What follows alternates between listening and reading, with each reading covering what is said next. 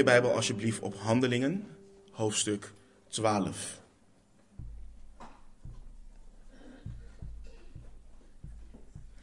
Handelingen hoofdstuk, hoofdstuk 12.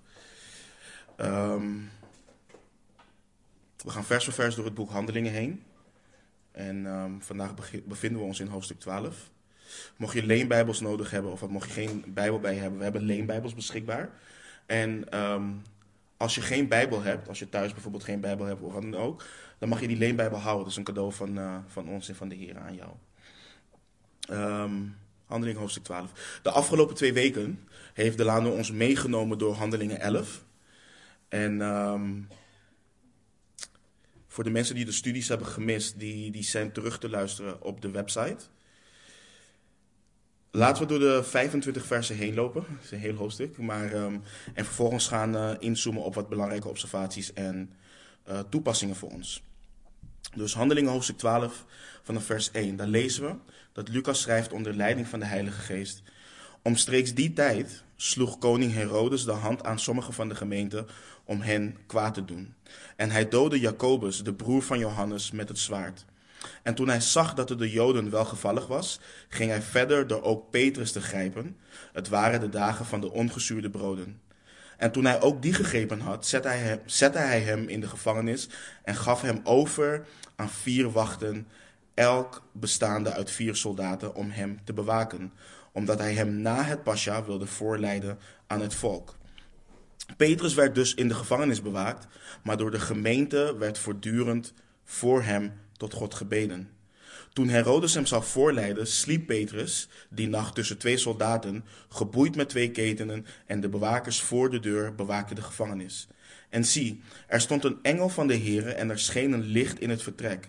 En door Petrus in de zij te porren, wekte hij hem en zei, sta snel op, en zijn ketenen vielen van zijn handen af. En de engel zei tegen hem, doe uw gordel om en bind uw sandalen aan. En hij deed dat. En hij zei tegen hem: Sla uw bovenkleed om en volg mij. En hij ging naar buiten en volgde hem. En hij wist niet dat het werkelijkheid was wat er door de engel plaatsvond, maar hij dacht dat hij een visioen zag. En toen zij langs de eerste en de tweede wacht gegaan waren, kwamen zij bij de ijzeren poort die naar de stad leidt. Die ging vanzelf voor hen open.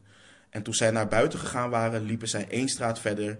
En meteen ging de engel van hem weg. En toen Petrus tot zichzelf zelf gekomen was, zei hij: Nu weet ik werkelijk dat de Heere zijn engel uitgezonden heeft en mij verlost heeft uit de hand van Herodes en uit alles wat het Joodse volk verwachtte. En toen dit tot hem doordrongen was, ging hij naar het huis van Maria, de moeder van Johannes, die ook Marcus genoemd werd, waar velen bijeen waren en baden. Toen Petrus aan de deur van de poort klopte, ging er een dienstmeisje naartoe om te luisteren van wie de naam Rode was. En toen zij de stem van Petrus herkende, deed zij van blijdschap de poort niet open, maar rende naar binnen en berichtte dat Petrus voor de, voor de poort stond. En zij zeiden tegen haar: u bent, buiten, u bent buiten zinnen. Maar zij hield vol dat het zo was, en zij zeiden: Het is zijn engel. Maar Petrus bleef kloppen, en toen zij open gedaan hadden, zagen zij hem en waren buiten zichzelf. Ja, en hij baarde hun hij gebaarde hun met de hand dat zij zwijgen moesten. En hij vertelde hun hoe de Heere hem uit de gevangenis geleid had. En zei: Vertel dit aan Jacobus en de broeders. En hij ging naar buiten en reisde naar een andere, pla naar een andere plaats. Toen de dag geworden was, was er geen geringe opschudding onder de soldaten over wat er met Petrus gebeurd kon zijn. En, en nadat Herodes hem gezocht had, gezocht maar niet gevonden had, ondervroeg hij de bewakers en gaf, hij, gaf bevel hen weg te leiden. En hij vertrok van Judea naar Caesarea en bleef daar. En Herodes koesterde bittere vijandschap tegen de Tyriërs en Sidoniërs, maar zij kwamen eensgezind naar hem toe en na Blastus, de kamerheer van de koning, overtuigd te hebben, vroegen zij hem, vroegen zij om vrede, omdat hun land gevoed werd door dat van de koning. Nu zie ik dat mijn ding hier afloopt, dus ik moet even iets verder.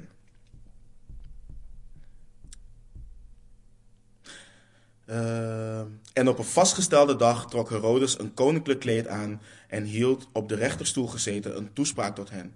En het volk riep uit: Een stem van God en niet van een mens. En onmiddellijk sloeg een engel van de Heere hem, omdat hij God de eer niet gaf. En hij werd door wormen gegeten en gaf de geest.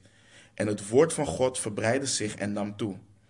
Barnabas nu en Saulus keerden terug uit Jeruzalem, na daar hun dienstwerk vervuld te hebben, en zij namen ook Johannes mee, die ook Marcus genoemd werd.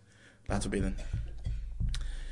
Heren, we weten dat alles in uw woord, Heer, overgeleverd is um, door uw geest, om ons te vormen naar het evenbeeld van onze Heer Jezus Christus.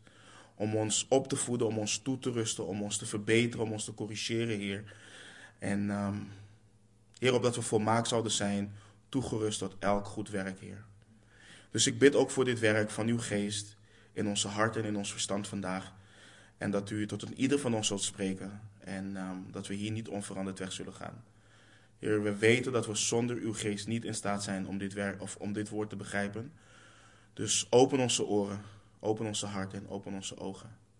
En um, ja, doe een bovennatuurlijk werk. We bidden en we vragen dit in Jezus' naam. Amen.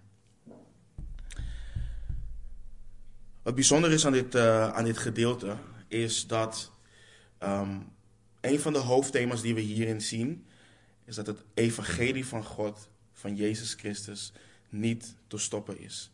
Wat er ook gebeurt, wat voor weerstand er ook komt, niets en niemand kan het evangelie van onze Heer Jezus Christus stoppen. We hebben gezien in het begin van handelingen nadat de kerk geboren was en Petrus een, um, een man genezen had, dat ze in de gevangenis gegooid werden of dat ze voor de Joodse leiders moesten komen en dat ze daar geïntimideerd werden.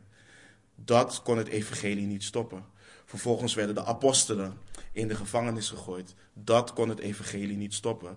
Stefanus die, wordt, uh, die, die ondergaat een marteldood. Ook dat kan het evangelie niet stoppen. Ondanks het feit dat de kerk verspreid wordt, zie je dat uiteindelijk, doordat de kerk verspreid wordt, dat het evangelie verder dan Jeruzalem en Judea gaat. Komt een ware opwekking in Samaria. Vervolgens zie je dat Paulus um, de kerk gaat vervolgen en iedereen van die weg wilt uitroeien. En wat gebeurt er? Paulus wordt vernederd en komt tot geloof. Dus niets en niemand kan het evangelie stoppen. Dat is een van de hoofdthema's die we hierin zien. En als we dan um, door de versen heen gaan en we zien vanaf vers 1, dan zien we dus, omstreeks die tijd sloeg koning Herodes de hand aan sommige van de gemeenten om hen kwaad te doen. En hij doodde Jacobus, de broer van Johannes, met het zwaard. Dus hoofdstuk 12 begint met omstreeks die tijd. En het einde van vers 3 helpt ons om te begrijpen wanneer dit was. Lucas schrijft dat het de dagen waren van de ongezuurde broden. En de dagen van de ongezuurde broden waren de zeven dagen na het Pascha. En gedurende deze tijd aten de Israëlieten geen brood met gist erin ter herinnering um, aan hun haast bij de voorbereiding op hun uittocht uit Egypte. En dit is voor de Israëlieten een, een hele belangrijke periode. En we lezen ook in vers 1 vervolgens over een zekere koning Herodes. En je komt in het Nieuwe Testament kom je verschillende koning Herodes tegen. Um, ik ga er niet al te diep op in, maar het helpt ons wel om later ook te weten waar we zijn en met wie we te maken krijgen. Want later in handelingen krijgen we weer met een koning Herodes te maken. Maar dat is niet hetzelfde. En ik wil even kijken naar zes verschillende mensen die Herodes waren. We hebben één, uh, dat is Herodes de Grote. Uh, de meeste van ons kennen hem. Dit is de Herodes die we tegenkomen rond de geboorte van onze Heer Jezus Christus. Hij is ook degene die de opdracht gaf om de baby's in Bethlehem te laten doden toen de wijzen uit het oosten niet teruggekeerd waren om Herodes over het kind te vertellen. Deze man was werkelijk een afschuwelijke man in de geschiedenis. Echt waar. Um, hij stond erom bekend dat hij meerdere van zijn zonen heeft gedood, maar ook meerdere van zijn vrouwen. En een van zijn vrouwen heeft hij gedood simpelweg omdat hij met een slecht humeur was opgestaan. Dat is gewoon, dit, lees je gewoon in de geschiedenis van, um, uh, van, van, deze, van deze tijd. Um, dan heb je nog Herodes, nummer twee, Herodes Archelaus. Hij was een van de drie zonen van Herodes de Grote, die in de Bijbel wordt genoemd. Hij ontving uh, de helft van het grondgebied van zijn vader, uh, het gebied rondom en nabij uh, Jeruzalem. En in Matthäus 2 lezen we dat jo Jozef hoorde dat, dus Jozef, dus de stiefvader of de aardse vader van de Heer Jezus, hoorde dat um, Archelaus um, in Judea koning was, waardoor hij bevreesd was om terug te gaan um, daar naartoe. Ook hij was geen pretje. En hij werd binnen tien jaar na zijn regering vervangen. En daarom zie je ook dat Pontius Pilatus de man is die de leiding heeft over de rechtszaak van de Heer Jezus en niet een koning Herodes. Dan hebben we Herodes Antipas. Herodes Antipas kennen we als de Herodes die Johannes de Doper heeft laten onthoofden toen hij terechtgewezen werd voor het trouwen met de zus of met broer, uh, de vrouw van zijn broer. En Pilatus stuurde ook de Heer Jezus naar hem toe tijdens zijn verhoor. Dan heb je Herodes Philippus. Hij wordt één keer genoemd in het Nieuwe Testament. Uh, je komt hem tegen in Lucas 3, vers 1. Hij regeerde in het gebied rond Noord- en Oost-Galilea. En van wat de geschiedenis ons leert, trouwde hij met de dochter van Herodias, die uiteindelijk ook danst voor Herodes Antipas. Je hoort dus dat deze familie echt, in het Engels zeggen ze dysfunctional, het is gewoon geen goede familie. En hopelijk zijn wij wat dat betreft genadiger richting onze eigen familie, als we lezen hoe um, verknipt deze familie was. Dan heb je Herodes Agrippa de eerste. Um, dat is de Herodes in onze tekst van vanmorgen. Hij is de kleinzoon van Herodes de Grote. En van wat de geschiedenis ons leert, werd hij op een gegeven moment machtiger dan zijn eigen grootvader. Uiteindelijk regeerde hij ook over een veel groter uh, grondgebied dan zijn grootvader. En dan heb je Herodes Agrippa tweede. En dit is ook de Herodes waar Paulus uiteindelijk voor terecht staat later in handelingen. En we zien dus, en, en nogmaals, er, er staat in de Bijbel niks goeds over deze familie. Het is echt, nogmaals, geen goede familie. Maar we zien dus dat hij zijn handen sloeg aan de gemeente. Hij begon de gemeente heftig te vervolgen. En we lezen daarbij dat hij Jacobus, de broer van de apostel Johannes, doodde met het zwaard. En we lezen hier over de eerste apostel die gedood wordt. Jacobus is niet de eerste christen die de marteldood sterft. We weten dat dat Stefanus is.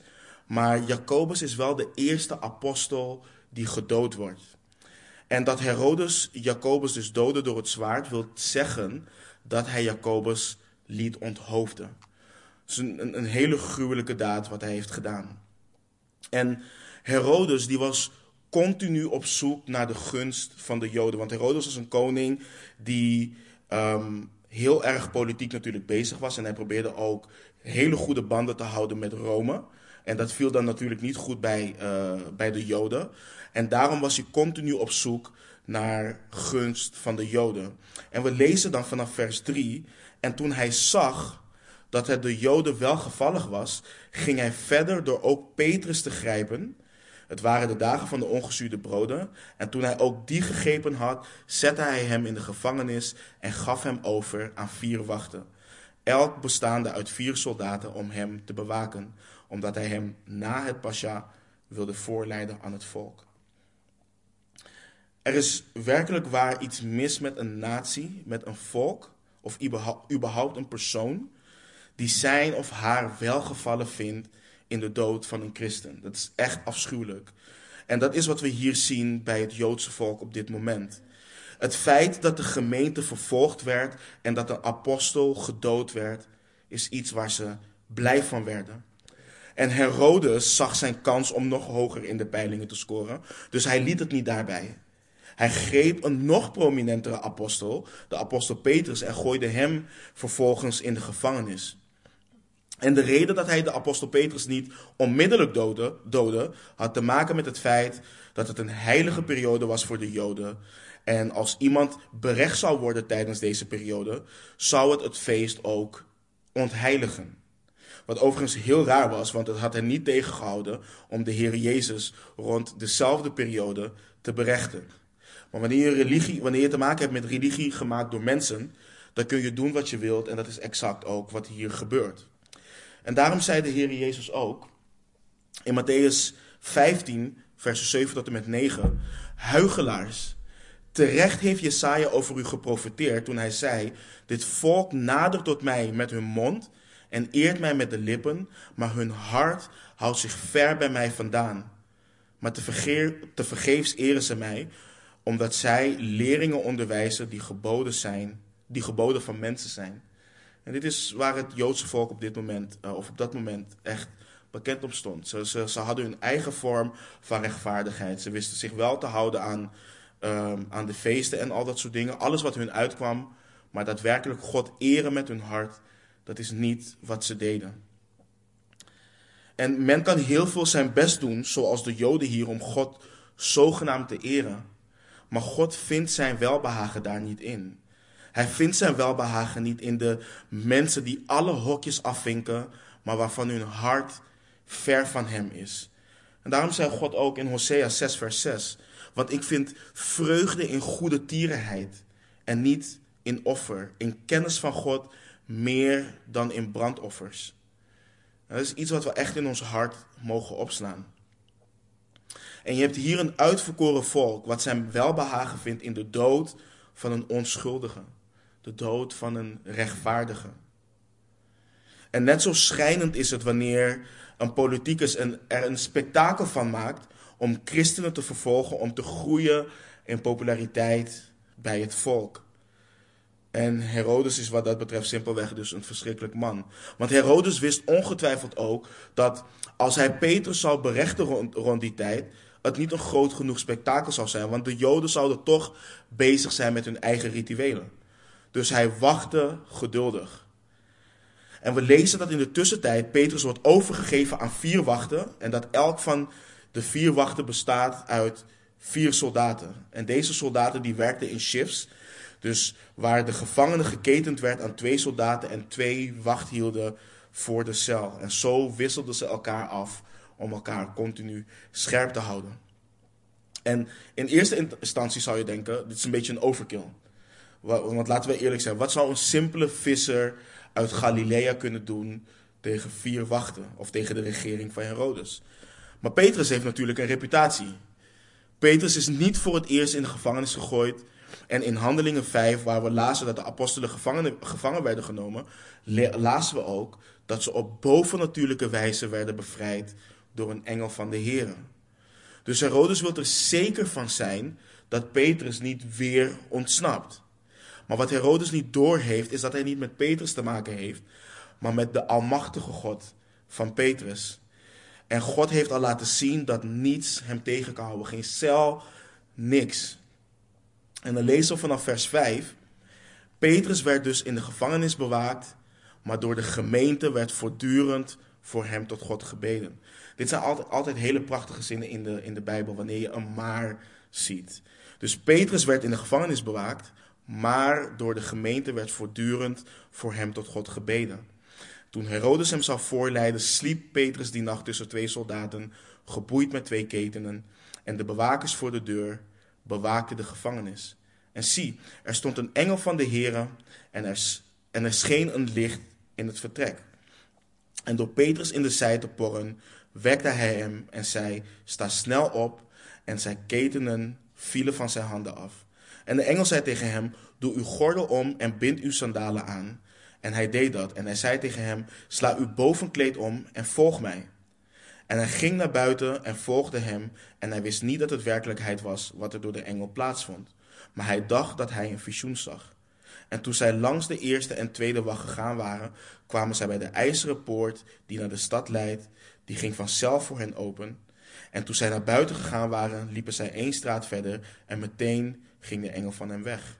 En toen Petrus tot zichzelf gekomen was, zei hij: Nu weet ik werkelijk dat de Heere zijn engel uitgezonden heeft en mij verlost heeft uit de hand van Herodes en uit alles wat het Joodse volk verwachtte.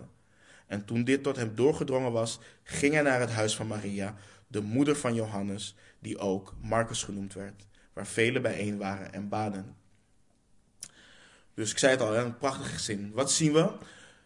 Petrus is in de gevangenis. En wat is de reactie van de kerk daarop? Bidden. Bidden tot God.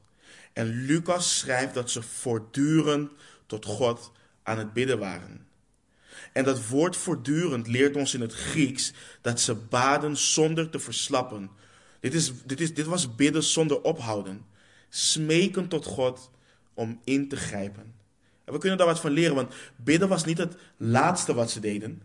En bidden was niet één van de dingen die ze deden. Bidden was het eerste en het enige wat de kerk deed.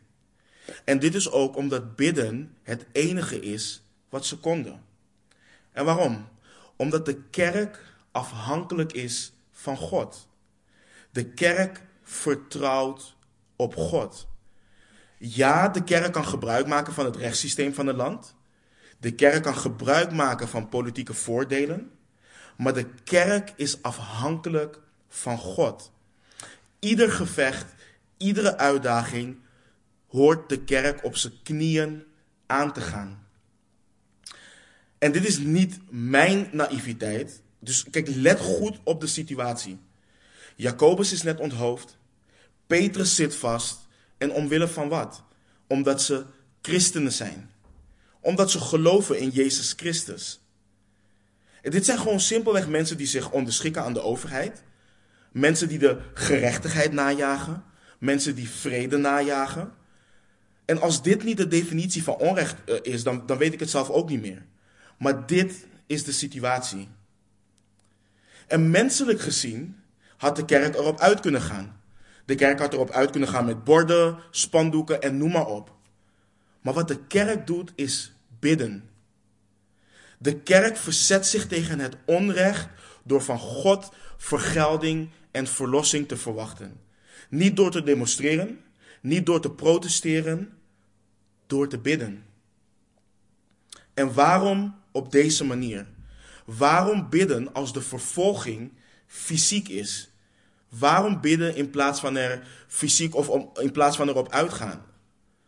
En zeker met zoveel onrecht. Er wordt gewoon iemand onthoofd. En de reden is omdat los van het feit dat de vervolging en verdrukking vaak fysiek plaatsvindt, geeft Paulus in, ons in Efeze 6 inzicht in wat er echt plaatsvindt. In Efeze 6 lezen we vanaf vers 10. We kennen deze versen allemaal. Het is een hoop tekst, maar we gaan het wel lezen. Dan schrijft Paulus onder leiding van de Heilige Geest. Verder, mijn broeders, word gesterkt in de Here en in de sterkte van zijn macht. Bekleed u met de hele wapenrusting van God, opdat u stand kunt houden tegen de listige verleiding, verleidingen van de duivel. En dan komt het. Want wij, hebben niet, want wij hebben de strijd niet tegen vlees en bloed, maar tegen de overheden, tegen de machten, tegen de wereldbeheersers van de duisternis van dit tijdperk, tegen de geestelijke machten van het kwaad in de hemelse gewesten. En dan zegt hij: Neem daarom de hele wapenrusting van God aan, opdat u weerstand kunt bieden op de dag van het kwaad en na alles gedaan te hebben, stand kunt houden. En dan zegt hij hoe?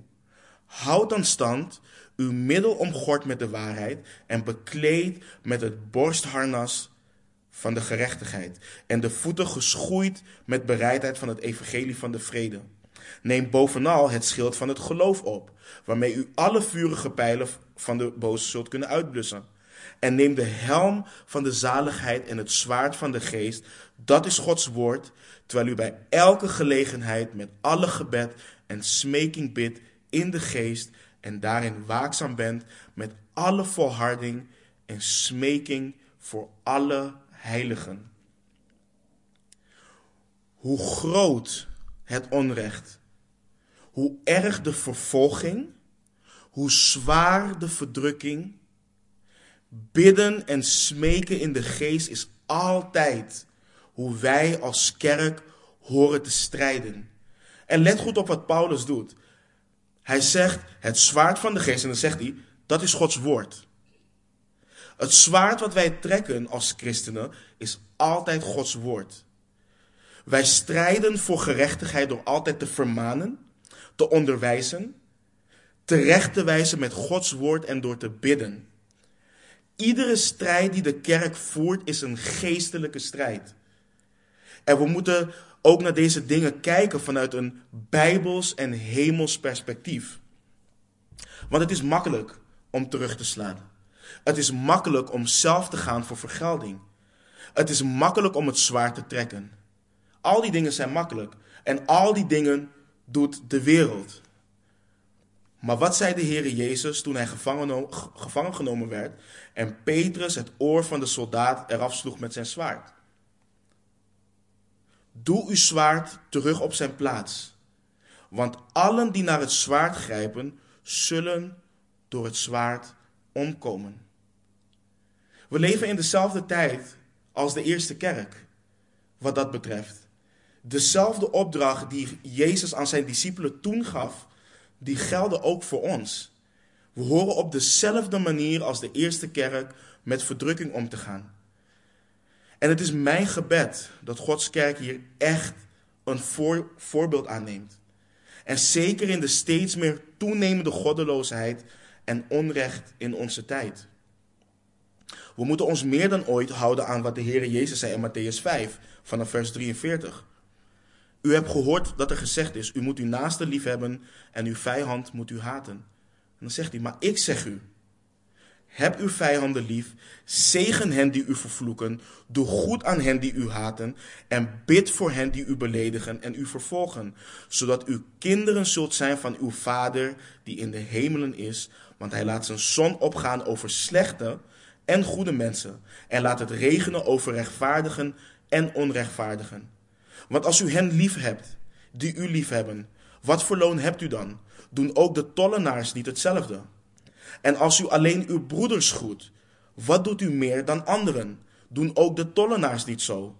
Wees u dan volmaakt, zoals uw Vader die in de hemelen is, volmaakt is. De standaard waartoe wij geroepen worden is immens hoog. Dit is niet de standaard van de wereld. En nogmaals, het is heel makkelijk om zelf voor vergelding te willen gaan. Het is heel makkelijk om zelf wraak te willen nemen. En zeker wanneer in onze ogen onrecht heel groot is en buitenproportioneel is. Maar de kerk hoort te bidden tot God. Omdat God degene is die op de troon zit en alles onder controle heeft. En de kerk hier in Handelingen geeft ons een, een, een prachtig voorbeeld. Weet je, in Jesaja lees je ook over het feit dat God regeert, zittend op zijn troon. Wat er ook in de wereld gebeurt, God zal nooit zeggen, oeps, dit, dit had ik niet voorzien. Alles wat er gebeurt, gebeurt omdat het moet leiden tot de voleinding van de tijden. Alles wat er gebeurt. En dat is iets wat we in gedachten moeten houden. Niets wat er gebeurt, gebeurt buiten Gods plan om. Dus een prachtig voorbeeld van, een prachtig, ja, een prachtig voorbeeld van zijn soevereiniteit ook. En we zien vervolgens dat de nacht voordat Petrus voorgeleid zou worden, en zonder twijfel hetzelfde lot als Jacobus zou ondergaan, hij sliep tussen twee soldaten. Het is prachtig ook om in het Nieuwe Testament te zien. Petrus heeft nooit moeite met slapen. Altijd valt hij in slaap. Maar hij, hij slaapt hier dus geketend tussen twee soldaten. En als je een beetje dezelfde gedachte hebt als ik, dan stel je de vraag: hoe kan het dat Petrus slaapt terwijl hij de volgende dag voorgeleid gaat worden? Petrus weet wat er met Jacobus is gebeurd. Maar als je zijn brieven leest, 1 Petrus en 2 Petrus, dan snap je waarom. Want Petrus is degene die schreef aan christenen te midden van verdrukking. In 1 Petrus 5, vanaf vers 7. Werp al uw zorgen op hem, want hij zorgt voor u. Wees nuchter en waakzaam, want uw tegenpartij, de duivel, gaat rond als een brullende leeuw op zoek naar wie hij zou kunnen verslinden. Bied weerstand aan hem, vast in het geloof, in de wetenschap dat hetzelfde lijden ook aan al uw broeders in de wereld opgelegd wordt. Petrus weet wie zijn Heer is. En ik vind het bijzonder hoe Petrus reageert. Je ziet een soortgelijke reactie van de apostel Paulus in Handelingen 16, wanneer hij samen met Silas in de gevangenis wordt gegooid na een flinke pak slaag te hebben gehad. En wat doen ze? Ze zingen lofzangen voor God. Ondanks de verdrukking, ondanks het lijden, zie je de vrede van God heersen in, in, in de harten en in het verstand van de apostelen. En Petrus sliep zo diep dat zelfs een fel licht van een engel hem niet kon wakker maken. En een engel moest hem porren in zijn zij om hem wakker te krijgen. En de engel geeft hem vervolgens de opdracht om zijn gordel om te doen en zijn sandalen aan te doen en hem naar buiten te volgen. En Petrus heeft geen idee wat er aan de hand is, want hij denkt dat alles een visioen is. En de engel leidt Petrus op bovennatuurlijke wijze langs de eerste en tweede wacht zonder dat hij gezien werd. En hoe hij dat gedaan heeft, weet ik niet. Maar we weten dat wat voor de mens onmogelijk is, voor God mogelijk is. En voor sommige mensen, uh, ook voor ongelovigen, is dit. Dit zijn dit soort verhalen waarvan mensen zeggen: ja, maar dit kan niet en daarom geloof ik niet in de Bijbel. En de fout die mensen vaak maken is dat ze het werk van een bovennatuurlijke God op een natuurlijke wijze willen gaan verklaren. We weten niet hoe Petrus langs die twee wachten liepen zonder dat ze hem hebben gezien. Maar het feit is wel, het is gebeurd. Want God was met hem. En zo is er ook een verhaal van, ik weet niet van, jullie kennen haar vast wel, van Corrie ten Boom. Die is ook op hele mysterieuze wijze, is zij ook verlost uit hele bijzondere situaties. En dit is wat je krijgt wanneer je te maken hebt met de God van de Bijbel, de enige God die er bestaat. Hij doet bovennatuurlijke dingen. En, en de engel leidt Petrus naar buiten, gaat een straatje met hem mee en, en hij verdwijnt. En op dat moment komt Petrus tot zichzelf. Dus hij was er op dat moment zeker van dat God zijn engel gestuurd had om Petrus te verlossen uit de hand van Herodes en alles wat het Joodse volk verwachtte. En toen hij alles op een rijtje gezet had, ging hij naar, ging hij naar het huis van Maria. Dit is, de, dit is Maria, de moeder van Johannes, die ook Marcus genoemd wordt. Dit is hoogstwaarschijnlijk dezelfde Marcus die het evangelie van Marcus heeft geschreven. En ook de Marcus die vervolgens met Paulus op zijn zendingsreis eh, meegaat. En dat Petrus daar naartoe gaat, of direct daar naartoe gaat, impliceert dat de gemeente daar vaker samenkwam. En we lezen dus ook dat de gemeente daar uh, aan het bidden was. En terwijl de gemeente aan het bidden was, lezen we vanaf vers 13. Um, ehm, toen Petrus aan de deur klopte, of aan de, uh, aan de deur van de poort klopte, ging er een dienstmeisje naartoe om te luisteren, van wie de naam Rode was. En toen, haar naam betekent trouwens roos. En toen zij de stem van Petrus herkende, deed zij van blijdschap de poort niet open, maar rende naar binnen en berichtte dat Petrus voor de, deur, voor de poort stond. En zij zeide tegen haar, u bent buiten zinnen. Maar zij hield vol dat het zo was. En zij zeiden, het is zijn engel. Maar Petrus bleef kloppen en toen zij open gedaan hadden, zagen zij hem en waren buiten zichzelf. En hij gebaarde hun met de hand dat zij zwijgen moesten. En hij vertelde hun hoe de Heere hem uit de gevangenis geleid had. En zij vertelde dit aan Jacobus en de broeders. En hij ging naar buiten en reisde naar een andere plaats. Petrus komt dus aan de poort en hij klopt op de deur. En het dienstmeisje van Maria doet open. Um, of doet van blijdschap, doet ze de deur niet open. En hier heb je dus een voortvluchtige man een man die uit de gevangenis is ontsnapt met de hoogste vorm van beveiliging. En hij kan niet eens een samenkomst waar gebeden wordt, kan hij binnenkomen. En in plaats van de deur open doen, renden ze naar, de, naar binnen om de gemeente te vertellen dat Petrus voor de poort stond. En, en hun reactie is prachtig. Want ze zeiden tegen haar dat ze buiten haar zinnen was. Um, bijvoorbeeld als je op Curaçao bent en dit soort dingen meemaakt, dan zeggen ze: je bent, je bent niet goed wijs. Je bent niet goed in je hoofd. Dat is, dat is wat ze tegen, tegen haar zeiden. Je hoofd werkt niet. En het is een, een, een, prachtige scène, want aan de ene kant is het bijzonder dat de gemeente voortdurend in gebed was. Je ziet daarin hun afhankelijkheid van God. Maar je ziet dat op de een of andere manier de gemeente niet verwachtingsvol aan het bidden was. Want hier heeft God Petrus verlost uit de gevangenis en staat hij voor de deur en kunnen ze niet geloven dat Petrus daar is. En in plaats van de deur open doen, gaat het dienstmeisje verder in discussie met ze en probeert ze hun te overtuigen dat Petrus echt daar voor de deur staat. En ze had ze makkelijk kunnen overtuigen door gewoon de deur open te doen, maar ze gaan heen en weer totdat iemand zegt dat het uh, waarschijnlijk de engel is van Petrus. En ik ga niet al te diep in op de doctrine of de theologie die, um, die onder de Joden soms heerste, of ja, heerste wat betreft um, engelen en persoonlijke engelen. Maar wat, wat hier gebeurt, ik, ik, ik ken dit gevoel heel goed. En misschien ben ik de enige, maar je bidt voor iets met de verwachting en de hoop dat God het gaat doen. Maar wanneer Hij het doet, dan kun je niet geloven dat Hij het gedaan heeft. En ik kraak deze broeders en zusters dus absoluut niet af. Ik ben net zo klein gelovig als zij hier zijn. En, en, en we moeten daarom ook voor, voor ons allemaal voorzichtig en genadig zijn richting broeders en zusters om ons heen wanneer ze een situatie uitleggen en ze ook daarvoor bidden. maar waaruit blijkt dat hun geloof zwak is. Weet je, we hebben allemaal momenten van zwakheid wat betreft ons geloof. En dit gedeelte is een bemoediging dat God gebeden verhoort, ondanks het feit dat ons geloof zwak of klein is. En in, in de tussentijd staat arme Petrus nog steeds te kloppen op de deur en doen ze eindelijk open. En wanneer ze open doen, lezen we dat ze helemaal buiten zichzelf waren. En de oorspronkelijke tekst laat ons zien dat ze zo verbaasd waren dat ze niet wisten wat ze moesten doen of hoe ze moesten reageren.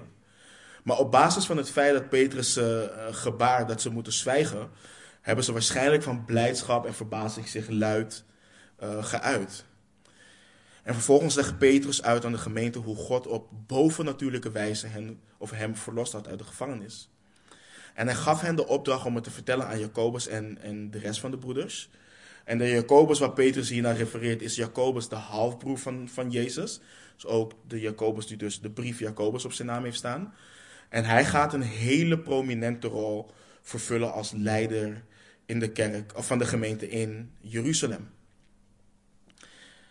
En we lezen dan vervolgens vanaf vers 18: Toen het dag was geworden, was er geen geringe opschudding onder de soldaten over wat er met Petrus gebeurd kon zijn. En nadat Herodes hem gezocht, maar niet gevonden had, ondervroeg hij de bewakers en gaf bevel hen weg te leiden. En hij vertrok van Judea naar Caesarea en bleef daar. De ochtend dat ze uh, Petrus wilden voorleiden, uh, kwamen de soldaten en Herodes erachter dat Petrus niet meer in de gevangenis uh, was. En in het Grieks schetst dit het idee dat er echt paniek was toegeslagen bij de soldaten. Want hoe kan het dat vier wachten niet weten wat er met een gevangene is gebeurd die continu vastgeketend zat aan twee soldaten? En het is ook niet gek dat de soldaten in paniek raken, want in die tijd was jij verantwoordelijk voor de gevangenen. Als jij als soldaat of als wacht een gevangene zou kwijtraken, dan zou je hetzelfde lot ondergaan uh, die de gevangenen of de gevangenen zouden ondergaan. En daarom zie je ook later in Handelingen 16, nadat de aardbeving heeft plaatsgevonden, dat de cipier het zwaard trok om zichzelf te willen doden. En, en Paulus hem uiteindelijk tegenhoudt. Hij wist dat als de gevangenen zouden ontsnappen, hij zelf ook ten dode was opgeschreven. Dus we lezen in onze tekst vervolgens dat Herodes het bevel gaf hen weg te leiden. En dit houdt in dat hij het, het, bevel gaf om hen uh, te laten doden. En we lezen vervolgens dat Herodes vertrok van Judea naar Caesarea en daar verbleef. Het kan zijn dat hij daar naartoe ging omdat, hij natuurlijk, omdat iedereen natuurlijk wist dat onder zijn toezicht Petrus ontsnapt was. En dat besmeurt natuurlijk je reputatie. Zeker iemand met de hoogmoed als, als Herodes. En dan lezen we vervolgens dat vanaf vers 22. Uh, en Herodes koesterde bittere, bittere vijandschap tegen de Tyriërs en uh, Sidoniërs. Maar zij kwamen eensgezind naar hem toe en na Blastus, de kamerheer van de koning, overtuigd te hebben, vroegen zij om vrede, vrede omdat hun land gevoed werd door dat van de koning. En op een vastgestelde dag trok Herodes een koninklijk kleed aan en hield op de rechterstoel gezeten een toespraak tot hen. En het volk riep uit, een stem van God en niet van een mens. En onmiddellijk sloeg een engel van de Heere hem, omdat hij God de eer niet gaf. En hij werd door de wormen gegeten en gaf de geest. En het woord van God verbreidde zich en nam toe. Barnabas nu en Saulus keerden terug uit Jeruzalem na daar, daar hun dienstwerk vervuld te hebben. En zij namen ook Johannes mee, die ook Marcus genoemd werd. De, de Tyriërs en Sidoniërs vielen niet onder de regering van Herodes. Maar ze waren op de een of andere manier wel afhankelijk van hem als het ging om bepaalde levensmiddelen. En we weten niet, de, de, de tekst leert het ons niet, ik, ik heb het ook niet kunnen vinden wat betreft geschiedenis. We weten niet waarom Herodes boos was op hen. Uh, maar ze waren wel op zoek naar vrede. En vooral om politieke redenen natuurlijk. Maar ze hebben de kamerheer van Herodes weten te overtuigen om hem aan te sporen tot vrede. En er was een dag dat Herodes dus een koninklijk kleed aandeed en sprak tot het volk. Um, um, en echt een toespraak hield.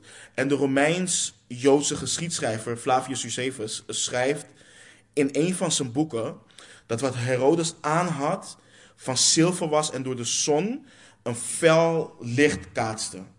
En, en dus het was indrukwekkend om te zien en om hem dan op zo'n manier te horen spreken.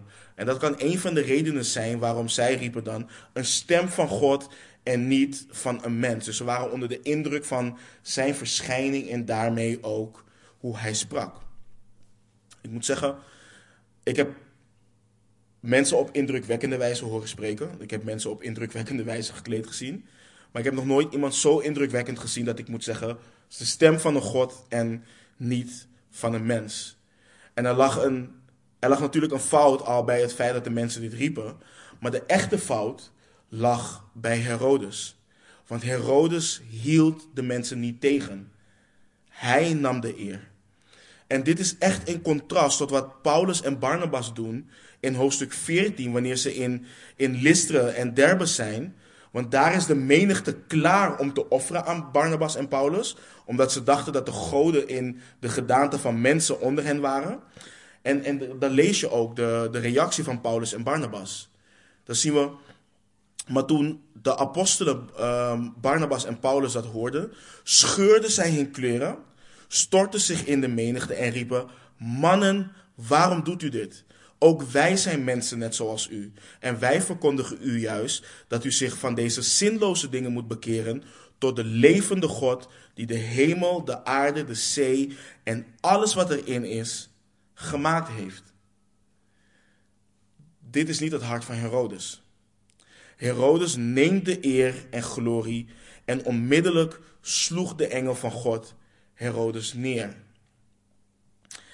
Uh, Flavius Josephus schrijft ook over, dit gebeur, over deze gebeurtenis. En daarin lezen we dat Herodes niet op slag dood was. Maar dat er iets in zijn binnenste was gebeurd waardoor hij ook begon te bloeden.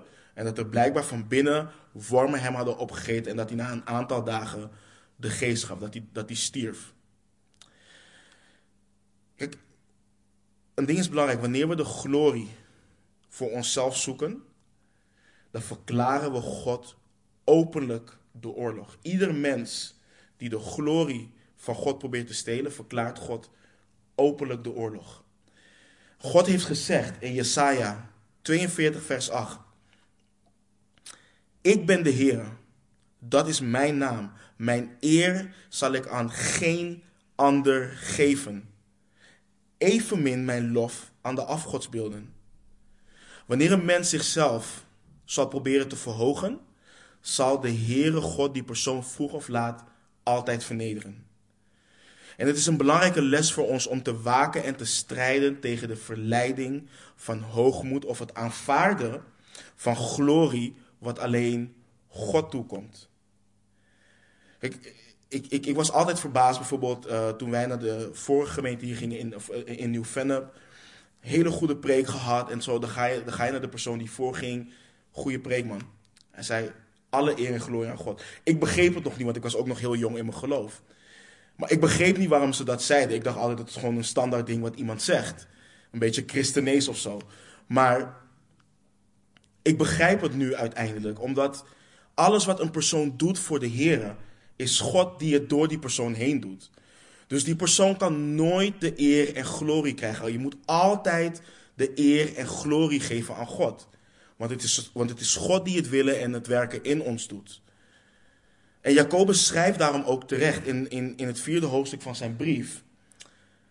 Daarom zegt de schrift, God keert zich tegen de hoogmoedigen, maar aan de nederigen geeft hij genade. God heeft echt iets tegen hoogmoed. En vers 24 is zo'n prachtig vers in dit hoofdstuk. Wat ik net al zei. Het laat ons, eh, wat ik aan het begin zei, het laat ons zien dat men er alles aan kan doen om God tegen te werken. Zijn mensen te vervolgen, te verdrukken, maar niets kan het woord van God stoppen. Niets kan God ervan weerhouden om zijn evangelie kenbaar te maken aan de verlorenen. Dat zie je ook in deze tijd met, uh, met, met corona. Mensen komen niet samen, of sommige mensen komen wel samen. Maar je ziet toch dat de mensen tot geloof komen. God is bezig. Er is niets wat hem tegen kan houden. En je ziet zo'n sterk contrast. Herodes en de Joden verzetten zich tegen Gods redder en kwamen onder zijn oordeel te staan. En de apostelen en de vroege kerk, die leden veel en veel stierven op gewelddadige wijze. Maar het woord van God bleef groeien en werd vermenigvuldigd. Je ziet dat ook in de kerken in China, in Irak, in Iran. Heftige vervolging. Maar de kerk groeit daarbij de honderden per dag. Het is ongelooflijk. En God beloonde dus, God beloont hen overvloedig en eeuwig in de hemel. En het laatste vers van hoofdstuk 12 is de brug naar het derde en het laatste gedeelte van Handelingen. Vanaf dat moment gaat Lucas de nadruk leggen op de zendingsreizen van de apostel Paulus in het getuigen van de Heer Jezus Christus tot aan het uiterste van de aarde. En voor we afsluiten wil ik een, ehm, een belangrijke vraag en gedachte tackelen. Wat ik vaker ook heb gehoord en wat ik, wat ik zelf ook had toen ik dit voor het eerst las. Jacobus wordt onthoofd, maar Petrus wordt verlost. Hoe zit het daarmee? Had de kerk geen geloof wat betreft Jacobus? Bevond Jacobus zich niet in de wil van God?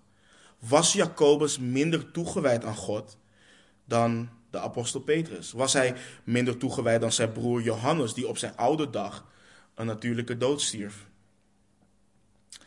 En de gebeurtenis van Jacobus is de basis voor de vraag: waarom gebeuren er slechte dingen met goede mensen? Waarom krijgt bijvoorbeeld een toegewijde christen kanker? Waarom is mijn geliefde van mij weggenomen? Waarom gaat een goed mens door ellende heen? Waarom gebeurt er X, Y, Z met mijn kinderen, of met mijn familieleden, of met mijn huwelijk, of noem maar op?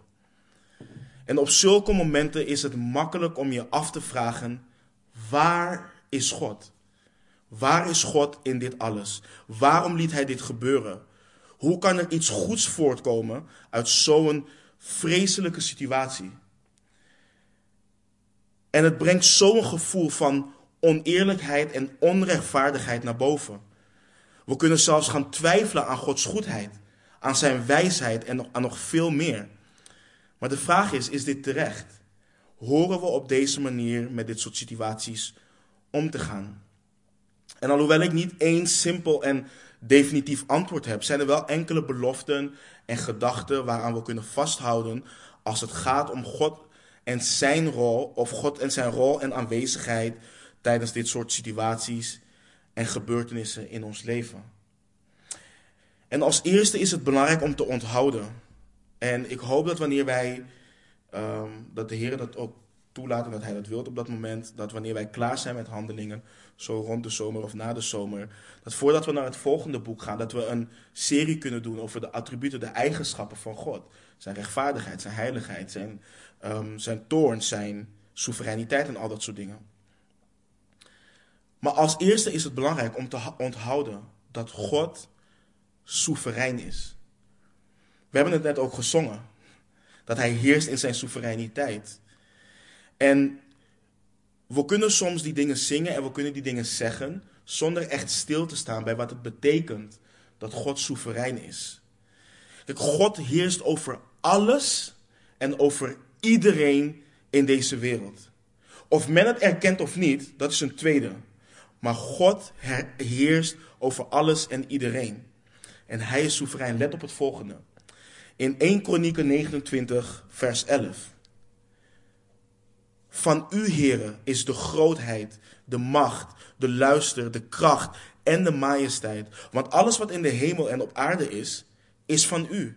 Van u, heren, is het koninkrijk en u hebt zich verheven tot een hoofd boven alles. In 1 Samuel, vers, uh, in 1 Samuel 2, versen 6 tot en met 8, leert dit ook ons over Gods soevereiniteit. De Heere doodt en maakt levend. Hij doet in het graf neerdalen en hij doet daaruit opkomen. De Heere maakt arm en maakt rijk. Hij vernedert, ook verhoogt hij. Hij verheft de geringen uit het stof. Uit het vuil verhoogt hij de armen om hen bij edelen te doen zitten. Om hen een erezetel te laten verkrijgen. Want de grondvesten van de aarde zijn van de Heere en hij heeft de wereld daarop geplaatst. God leert ons in de Bijbel dat Hij alles heeft geschapen. Nogmaals, God is soeverein. Hij is de koning over het universum. Hij is de koning over de aarde. Hij is de koning over alle schepselen op aarde en over ieder mens. En als je iets creëert, dan heb je het recht om de regels te maken over hoe je creatie moet leven en hoe je creatie moet werken. Dat, dat recht heb je gewoon. En God is dus de soevereine heerser van zijn schepping en hij regeert met de hoogste autoriteit, met de hoogste macht. Maar dit is iets waar mensen vaak moeite mee hebben. En dit is niet iets waar alleen ongelovigen moeite mee hebben. Want ook christenen kunnen hier dus moeite mee hebben. Want dit weten en erkennen houdt in dat we geloven en erkennen dat wat er ook gebeurt, dat God dat heeft toegelaten.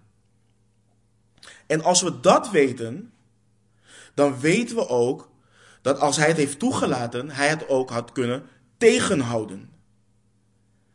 Maar dat heeft hij dus niet gedaan. Maar de vraag die we onszelf dan moeten stellen, te midden van al deze dingen, is: Is God, ondanks alles dat, nog goed? Is hij nog wijs? Is hij nog liefdevol? Is hij nog almachtig, alwetend en noem maar op? Is hij al die dingen? Of is hij alleen goed onder onze voorwaarden? Kijk weer even naar Jacobus. Jacobus had zijn hele leven nog voor zich. Waarschijnlijk had hij ideeën over wat hij zou doen, hoe hij de Heer zou dienen en noem maar op. Maar één ding wist Jacobus wel. Jacobus wist dat hij een gruwelijke dood zou sterven. En voordat je schrikt, ga in je Bijbel naar Matthäus 20. In je Bijbel naar Matthäus 20 en vanaf vers 20 lezen we daar hoe de moeder van Jacobus en Johannes naar de Heer Jezus toekomt en dan vraagt of haar zonen in het koninkrijk aan de linker en rechterhand van de Heer Jezus mogen zitten. En dan lezen we het volgende vanaf vers 22. Maar Jezus antwoordde en zei: U weet niet wat u vraagt. Kunt u de drinkbeker drinken die ik drinken zal, en met de doop gedoopt worden waarmee ik gedoopt word? En zij zeiden tegen hem: Dat kunnen wij. En hij zei tegen hen: Mijn drinkbeker zult u wel drinken, en met de doop waarmee ik gedoopt word, zult u gedoopt worden. Maar het zitten aan mijn, aan mijn rechter en aan mijn linkerhand is niet aan mij om te geven, maar het zal gegeven worden aan hen voor wie het bestemd is door mijn Vader. De Heer Jezus heeft duidelijk gemaakt dat Jacobus en Johannes voor hem zouden lijden. En dat ze uiteindelijk gedood zouden worden omwille van hem. En ook een gruwelijke dood zouden sterven, net zoals hij. En dit is wat er hier met Jacobus is gebeurd. In, wat we lezen in Handelingen 12 is de vervulling voor Jacobus wat we lezen in Matthäus 20. En misschien kun je denken, dat dacht ik ook, maar dat is zielig. Want hij was nog zo jong. Maar dat is hoe we ernaar kunnen kijken als we ernaar kijken vanuit een werelds en aards perspectief. Want kijk bijvoorbeeld hoe de apostel Paulus tegen de dood aankeek. Hij schrijft aan de Filippenzen in Filippenzen 1, versen 23 en 24. Want ik word door deze twee dingen, of want ik word door deze twee uh, gedrongen. Ik heb de begeerte om heen te gaan en bij Christus te zijn, want dat is verreweg het beste. Maar in het vlees te blijven is noodzakelijker voor u. Kijk, wanneer wij christenen worden, dan krijgen we een andere kijk op het leven. Maar dat betekent ook dat je een andere kijk krijgt op de dood. Want de dood is niet het sterven zoals de wereld ernaar kijkt. Het sterven is naar huis gaan. Want we zijn op doorreis hier op, op, op deze aardbol. Dit is niet ons huis. En Jacobus was eerder bij de Heer dan Johannes. Hij heeft gewoon gewonnen. Dat is, dat is hoe we ernaar horen te kijken. De manier waarop, dat is inderdaad, ja, dat is een ding. Maar de Heer heeft gezegd dat we zullen lijden omwille van zijn naam. Dat betekent niet dat iedere christen een gruwelijke dood zal ondergaan. Maar je zult wel weerstand in de wereld ehm, meemaken. En een ding wat we moeten onthouden, wat heel belangrijk is om te onthouden, Zeker wanneer we door verdrukking heen gaan en wanneer dingen ons overkomen of onze naasten overkomen, is A. Gods wegen zijn niet onze wegen. En dat deze dingen ons of onze naasten overkomen, betekent ook niet dat God niet van ons houdt.